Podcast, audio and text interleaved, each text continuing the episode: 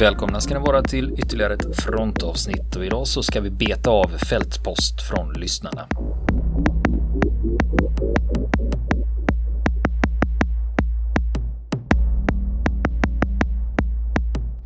Så har vi fått fältpost från Alexander i Västerås.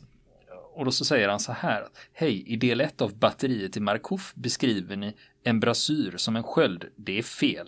Den Mm. korrekta beskrivningen är en öppning i en mur eller bröstvärn som smalnar av inåt mot Mm. vapnet. Markov skulle enligt plan ha haft sköldar på plats men de installerades inte Mm. i tid för D-dagen. Har du någon kommentar på det här Niklas? Jag lägger mig helt platt, han har fullkomligt rätt. Har han. Eh, Med en brasyr. Är det. Utan det är, ehm, det, är, det är precis som man säger. Det, jag en sa öppning. fel. Det är en Ja, öppning det är en öppning och inte en sköld. men Precis. Det gick lite för fort där, gjorde det. Förlåt. Ja, ja Det- men det var ju, så att det- det var ju som det vi konstaterat eh, Mm. tidigare. Med minsta fel så får vi mail. Jajamän. det är kanonbra. så är det. Då har vi rättat till det i alla fall. Mm. En brasyrets sennerteg. Ska vi... Ja, det kommer få heta resten av... ja. Ja. Eh, Tack ska du ha Alexander. Mm. Jo, sen har vi eh, fått fältpost här från Mm. Viktor i Västerås. Eh, han, eh, ofta är det så här när vi sänder ett avsnitt om Mm. någonting och så är det folk som liksom, ja men kommer ihåg någon snarlik historia och det. liksom hör av sig. Och vi gjorde ett avsnitt om eh, dödsolyckan på Inget, Södertälje, Just den förlupna kulan. Ja. När de gör en kulspruteövning och en bilist blir Mm. dödad några kilometer därifrån. Och Viktor Västerås, när han hör det här avsnittet så kommer han tänka på en, en annan händelse.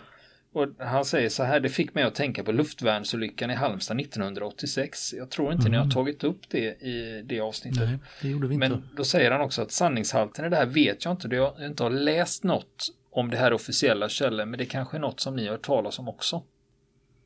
Och den här luftvärnsolyckan, Mm. den var för mig helt obekant. Ja, jag kan inte säga att jag känner igen det på rak arm. Mm. Men eh, nu, nu, som tur är så eh, gick det här att råda bot på med en snabb googling. Mm. Och, eh, eh, det, och det visar sig att det är någon vänlig själ som det här, det har hänt en olycka i Halmstad, Ringenäs skjutfält, det ligger, det ligger ute vid kusten, lite norr, nordväst om Halmstad blir det då, ligger Ringenäs skjutfält. Och där skedde det en olycka 1986 med, med där det omkom två personer. Mm. Och det här prövades även rättsligt, det som hade hänt. Mm. Och eh, det är någon som har lagt ut hovrättens dom om det här, för det gick ändå upp till hovrätten. Och där skriver de så här i domen att under förmiddagen lördagen den 15 mars 1986 hade femte kompaniet på LV6 skarpskjutning på Ringenäs. De hade skarpskjutning på Ringenäs skjutfält vid kusten omkring en mil nordväst om Halmstad. I kompaniet ingår fyra plutoner med två 40 mm luftvärnsautomatkanoner i varje pluton. Kanonerna kan riktas och avfyras av pjäspersonal.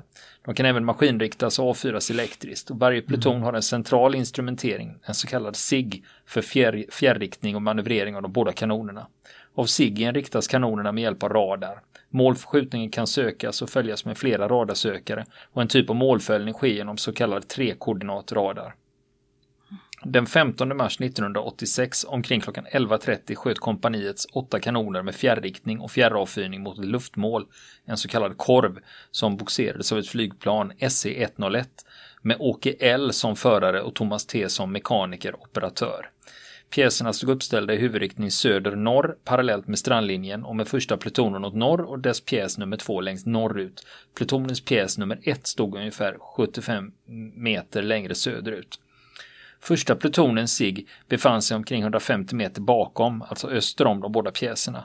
Och vid tillfället så söktes målet med tre koordinatradar och kompaniet sköt först en så kallad löpa med fyra pjäser och gott resultat. Därefter kommenderades en ny löpa. Därvid kom kanonerna att riktas mot det boxerande flygplanet istället för mot målkorven. För avfyrning som sker genom att eh, en vid siggen placerad eldledare trycker in en avtryckarknapp så att strömmen sluts erfordras ett eldtillstånd avges från pjäsen. Sådant tillstånd meddelas genom att en vit flagga reses. Så får inte ske för en eldgivning från pjäsen kan tillåtas från säkerhetssynpunkt. Trots att kanonerna sålunda riktats mot flygplanet gavs eldtillstånd för pjäs nummer två. Från kanonerna avfyrades då omedelbart åtta skott. Planet träffades och havererade. Därvid skadades Åke L och Thomas T så att de båda omkom. Mm. Ja. Så det var en eh, luftvärnsluftvärnsolycka. De Ja, sköt ner, luftvärnsolycka, sköt ner boxerplanet. Helt enkelt. Just det. Och det är, nu är det ju så här när det är grejer som hände innan internets tid så kan det ibland vara lite mäckigare att få tag på det. Just det. Men eh, allt som har hänt efter att internet kom så det är ofta brukar det vara mycket väl dokumenterat och. Precis. Ja, så att eh, ja, där fick du, vi. nu vet du Viktor vad det var det som till. hände på Ringenäs skjutfält 1986. Mm. Ja. Det fanns en olycka på eh, som jag tyvärr inte vet så mycket om men på övningsområdet Ränneslätt i Eksjö. Ska under beredskapsåren, mitt inne i skogen, så står det en, eh, står det en minnessten över ett hel grupp värnpliktiga. Det var ganska många, vill jag minnas, på den där stenen då som hade förlorat livet i någon slags sprängolycka under krigsåren. Men eh, det får vi återkomma till. Mm. Men det slog mig nu bara helt plötsligt. När Ja. vi pratar om olyckor. Ja, när det gäller, eh, när det gäller större olyckor annars så är det ofta eh, i, i lokalt minne väl Mm. bevarat. Så att ibland har man någon minnessten eller så Just har man det. något litet museum eller någon liten Mm. skylt som berättar om det. Så ibland kan det hjälpa att åka dit och, och kolla. Mm. Faktiskt. Just det. Så har vi fått fältpost från Per i Borås. Han säger så här. Hej, jag har precis lyssnat på avsnittet om Agent Orange. I slutet ställer Robert den mycket befogade frågan om det räknas som ett kemiskt stridsmedel och får ett jakande svar. Belys gärna varför det inte är ett biologiskt stridsmedel, en slutsats som borde vara närliggande. Eller varför inte ett helt avsnitt om ABC-stridsmedel och olika händelser som påverkat regleringen av dessa. Ja, Säger man ABC idag eller säger man NBC? ser. NBC? Ja. ja. Det är en bra fråga. Mm. Är det? Om vi eh, gått över till engelsk terminologi där. Eller Mm. vi, det kan jag inte svara på i bråddröppet hur det ligger till. Men det vet Ja, väl men- de försvarsanställda som lyssnar på det här. Ja, ja. Men, Kan, eh, kan rätta oss. ja, Men, eh, men när det gäller biologiskt så att alltså det är ju, det är ju ett medel som, det är ju inte ett biolog, det är ju inte bakterier nej, eller det- virus. Det är inga levande Nej, det är organismer. inga levande organismer men det påverkar ju biologiska eh, organismer. Ja, Agent Orange, men det är ju ett kemiskt medel helt enkelt. Mm. Är det ju. På det viset skulle man Ja. kunna säga att anthrax, eh, Ja. eh, Mm. Hjältebrands. mjältbrandsbakterier, det är ju Ja. mjältbrandsbakterier. Just det. Och de i sig är, biologiskt. ju en levande organism och då är det. Det är ett biologiskt ja, stridsmedel. för då, då är vi överens om definitionen i alla Ja, fall. Varför. Eh, Precis. Ja, precis. men då, har vi ju, då var ju snabbt svar på den frågan. Ja. Eh, Och sen var det en fråga till han hade och det var ett helt avsnitt om ABC-stridsmedel. ABC-stridsmedel. Och det är ju väldigt, väldigt Ja. omfattande för då Ja, plötsligt så vi får nog dela upp det alla, då. Ja, för då Ja. ingår ju plötsligt alla kärnvapen Mm. och alla biologiska stridsmedel. Eh, Mm. Och biologiska stridsmedel är ju en intressant sak för det är ju inget nytt påfund. Nej, Utan det är ju någonting man har kunnat använda sig av under lång tid. just Alltså, det. nu pratar vi århundraden tillbaka. Jajamän. När man, När- när man man sköt se- in eh, med katapulter ruttnande hästkadaver i belägrade städer för att sprida epidemier exempelvis. Det var ju biologisk krigföring redan på medeltiden och antiken. Ja, och amerikanska armén delade ut eh, smittade filtar till Just det. eh, amerikansk urbefolkning. Just Var det. det smittkoppor? För, men det var det, Ja. något sånt. Så att, och det är ju också en form av- Eller TBC eller... Ja, också. så det är också biologisk krigsföring. Så det är ju en, Mm, en precis. gammal anrik metod Ja, om man nu ska och säga så. Pizarro och de andra i, i Latinamerika, alltså äventyrarna där, de var ju, det var ju biologisk krigföring med, genom snuva, höll jag på att säga. Förkylning. Förkylningar Ja. var det ju. Det var ju inte avsett som det.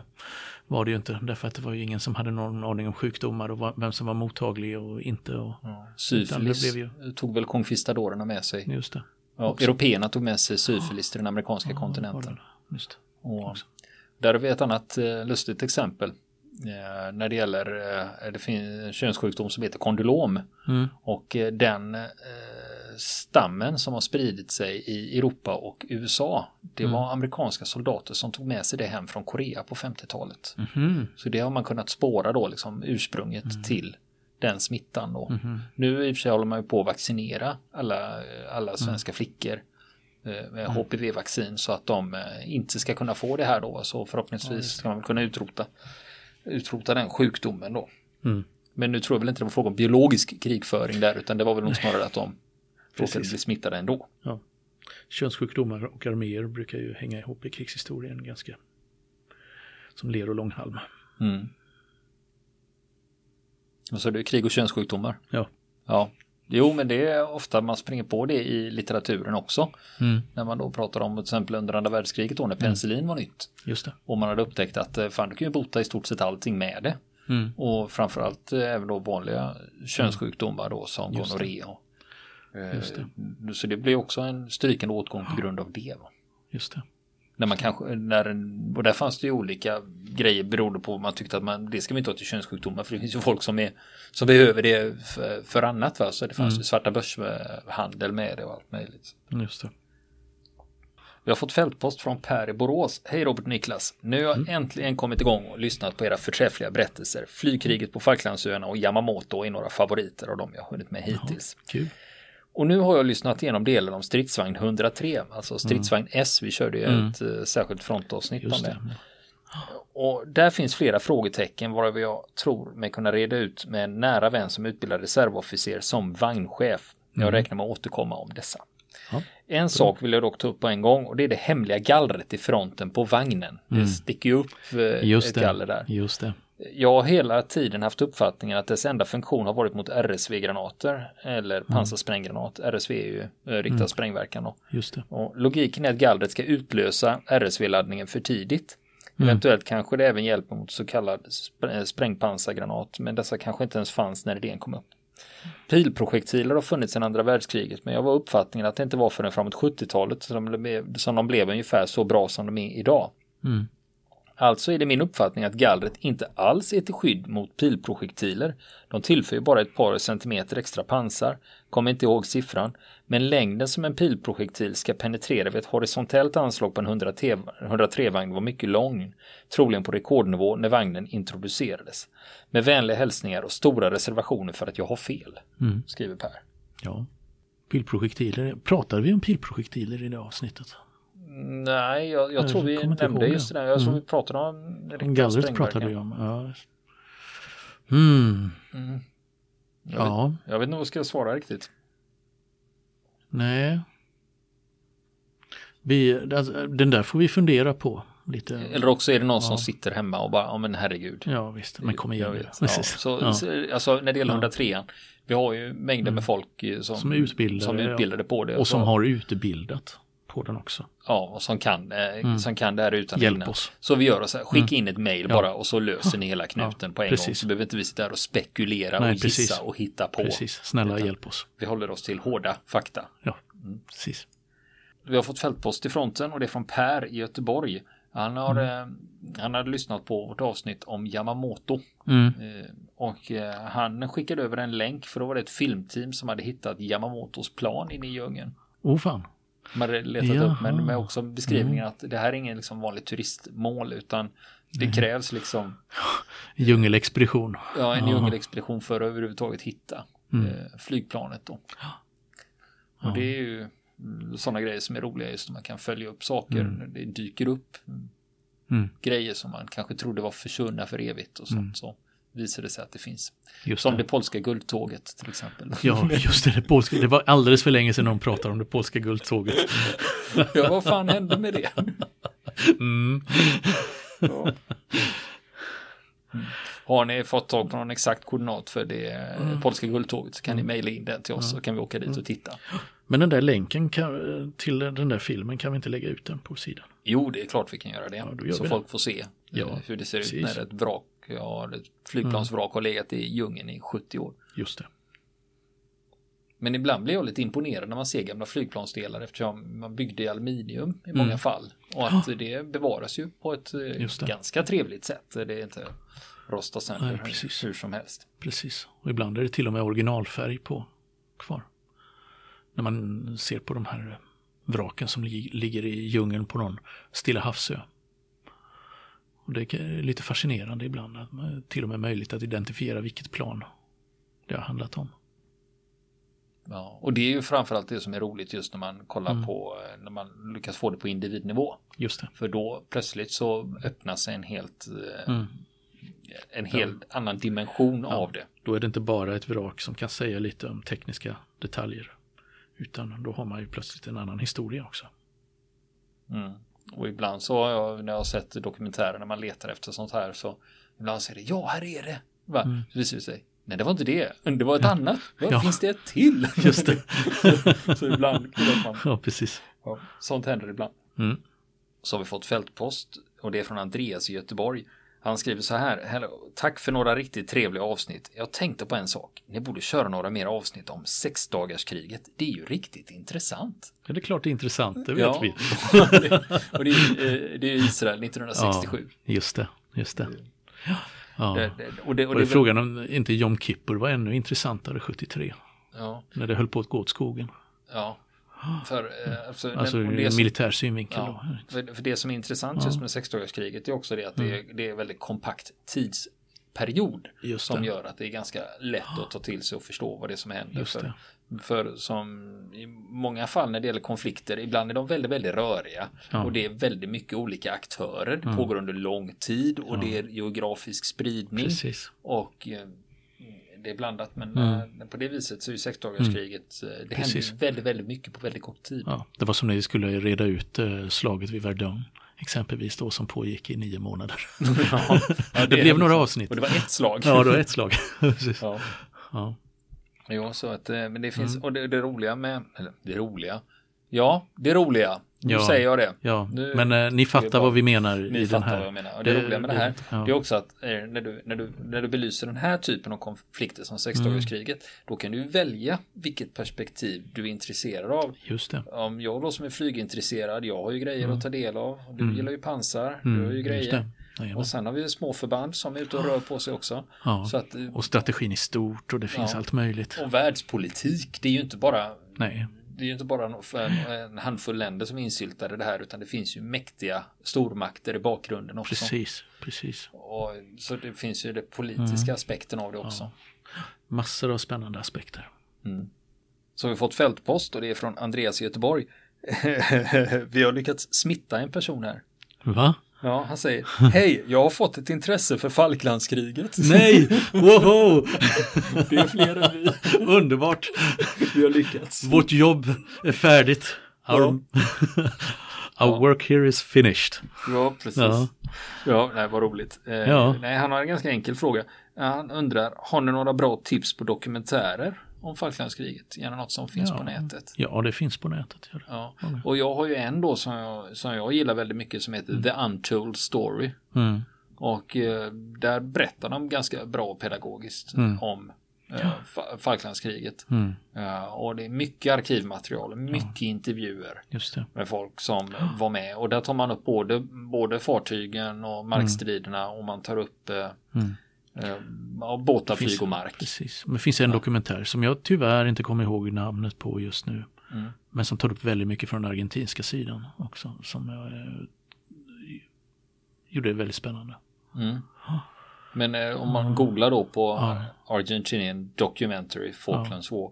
Så bara genom att eh, googla Mm. på det här och jag har ett tips då när det gäller just när man googlar på dokumentärer så brukar jag försöka sortera dem i tidsordning. Det vill säga att de som är långa Mm. eh, är de jag håller utkik efter. Just det. Eh, Så att, för jag vet om att det är bara 3-4 minuter, då är det någon Ja. liten snutt. Jag vill Ja, ha något någon som har är en saxat något, någon sekvens ur någon annan dokumentär. Ja. Sånt där, det är väldigt vanligt, det, är det, det vet ni ju som är Mm. ute och surfar Ja, och letar sånt. ja, och sen kan man också göra så här när man letar efter saker och försöka hitta då Mm. eh, kanske om enskilda saker, till exempel Black Buck-räden. Mm.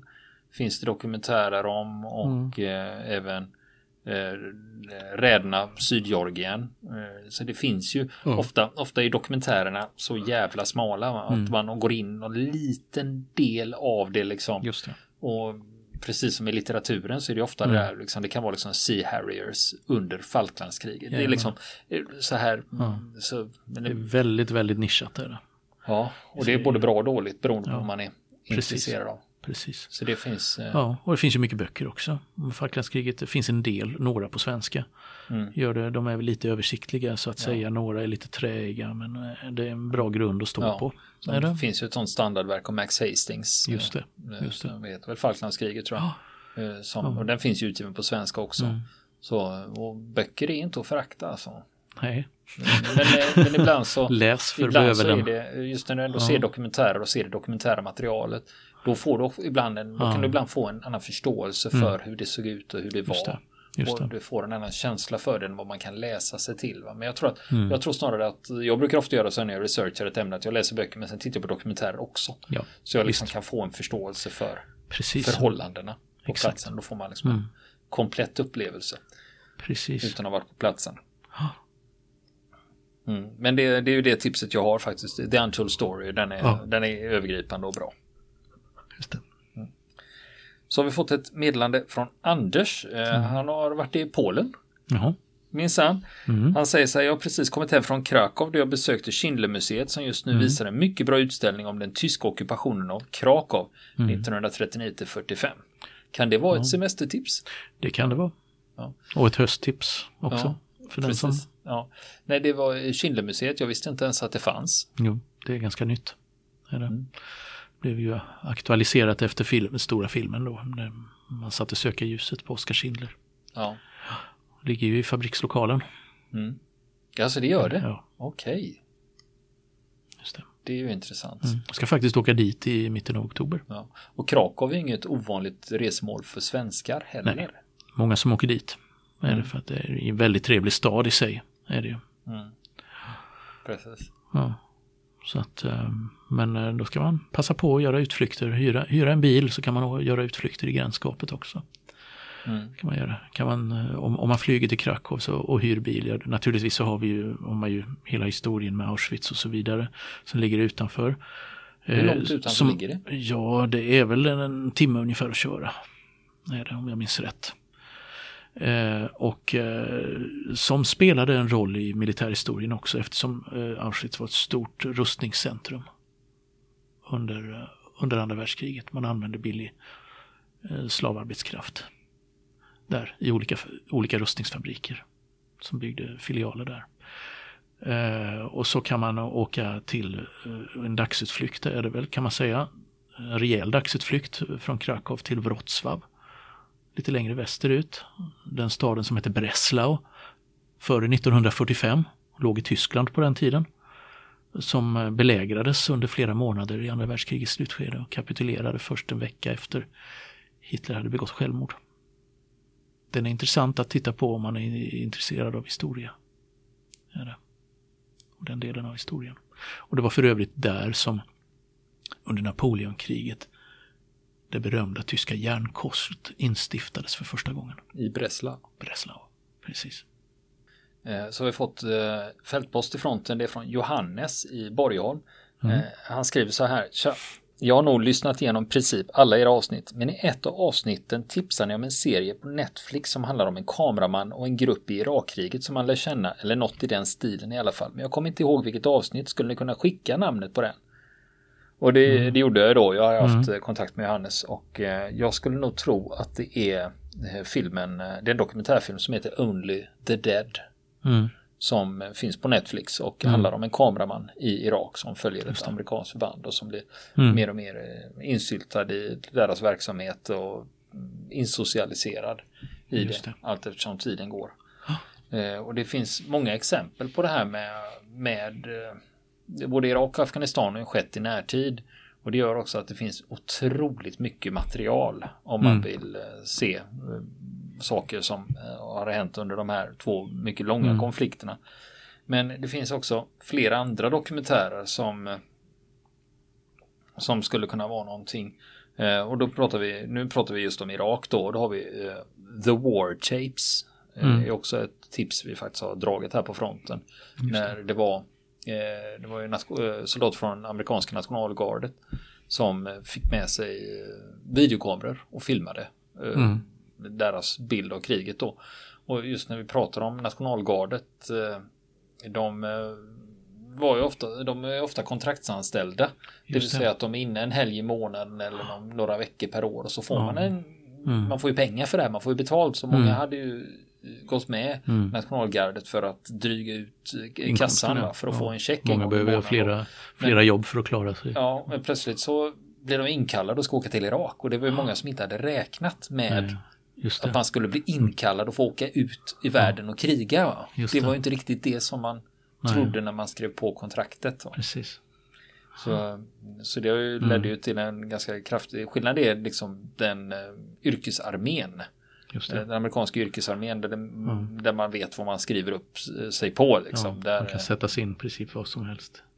så det är ofta en sån sak som eh, Mm. diffar lite då. Eh, och sen eh, har vi andra intressanta Irak eh, dokumentärer. Eh, Gunners Palace. Eh, Mm. Är en dokumentär det handlar om och det beror på att det är Ska vi se, jag tror det är artillerister som blir förlagda i ett gammalt palats. Och det, då kallar de det för Gunners det. Palace. Och sen har det också Occupation Dreamland. Så det finns Det flera. finns flera där. ja. Och många av de här dokumentärerna är ju gjorda utifrån den här vanliga aspekten. Liksom, vad gör vi här och vad har vi uppnått? Just För det det. var ju väldigt, väldigt tufft Ja. för eh, amerikanerna då. 2003 man gick in, Mm. eh, tog landet, men sen då? Ja, Och sen blev det ju det här att man skulle bli polis helt plötsligt. just det. Och, och, Och, och hamn, hamnar i liksom det inrikespolitiska gyttret. Vem, vem kan man lita på? Vem, vet, vilken sida ska vi liera oss med liksom, i, i den här irakiska politiken liksom, för att få jobbet gjort? Ja, och sen var det många som skulle, många av de irakiska grupperingarna, de skulle passa på då när eh, Saddams maktimperium imploderade, va? Mm. när det rasade. Och plötsligt så är det många, grupp, många grupper som vädrade morgonluft. Just Tänkte att eh, nu kan vi passa på att flytta fram våra positioner. För, Precis. eh, för Saddam Hussein han tillhörde en islamsk inriktning som heter, eh, som heter sunni. Ja, Och så fanns det en minoritet i landet som, hette, som var shia-muslimer. Och eh, precis. då var ju det att Saddam Hussein gynnade ju Sunni Mm. på bekostnad av Shia. Men när Saddam faller då, Mm. då kommer ju Shia-grupperingen och inser att nu har vi chansen här va. Just det. Och sen uppe i norra Irak så har vi kurderna också. Som insåg att ja, men nu har vi verkligen möjlighet Precis. att att flytta fram våra positioner. Så det är många grupperingar. Och så mitt i det här så står det en, en invasionsmakt som ska försöka hantera det här. Precis. Och försöka förstå Vad vad, vad, är det som pågår. Va? Det. Och, de, och, och det här med, med angiveri då. Att man kommer springa till amerikanerna. "Ah, Jag vet, det, det finns en terrorist här. Ja, vem då? Ja. Ja. det är han där. Ja, men hur vet vi att det är så att, att Ja. du inte bara... Att det inte bara är en politisk motståndare. eller, eller att du är skyldig honom pengar. Så lätt kan det ju vara också. Just det. Precis. Så att eh, det är ofta de här Mm. avvägningarna som man inte var beredda på att göra. Nej, just det. Samtidigt som man inledningsvis höll på att jaga ihjäl sig efter massförstörelsevapen. Ja, just det. Som också Underrättelsefiasko där. som komplicerade Ja, situationen. man blir lurad av eh, exilpolitiker som. Och det gör ju också att Mm. eh, Irak eh, i sig, det finns väldigt många olika historier och, som berättas Mm. där. Och ska jag tipsa om någonting så är det som, det här kommer också bli ett frontavsnitt på sikt om det här, det, det striden om Fallujah. Mm. Som var extremt hårda och extremt intensiva. Som eh, har gått till historien. Som en av de tuffaste slagen under, eh, under den här konflikten. Och eh, titta gärna på dokumentärer om det för den, eh, Just det. det. var, Det finns flera. Det var Mm. intressant. Just det. Eh, Med, ur flera olika aspekter faktiskt. Precis. Men vi kommer att komma tillbaka till Fallujah i ett eh, särskilt frontavsnitt Mm. när vi kör den historien. Vi har en nyhet att presentera och det är att fronten numera är crowdfunded, det vill säga vi har möjlighet att ta emot bidrag från våra lyssnare. Man kan välja om man vill lämna ett bidrag varje månad eller göra en engångsöverföring, till exempel via Swish. Vi gör det här för att få möjlighet för att få in pengar till reportageresor eller att vi kan åka iväg och intervjua intressanta personer. Allting för att göra fronten bättre. Vill ni veta hur det här går till? Då kan ni gå till vår Facebook-sida. Det enklaste sättet att hitta oss det är bara att googla på Facebook och Fronten Podcast så kommer ni att hitta instruktioner där. Vill ni komma i kontakt med oss så kan ni göra det via vår Facebook-sida som heter Fronten. Det är inga problem för er att leta er fram där. Eller också så mejlar ni på vår mejladress och det är frontenpodcast@gmail.com.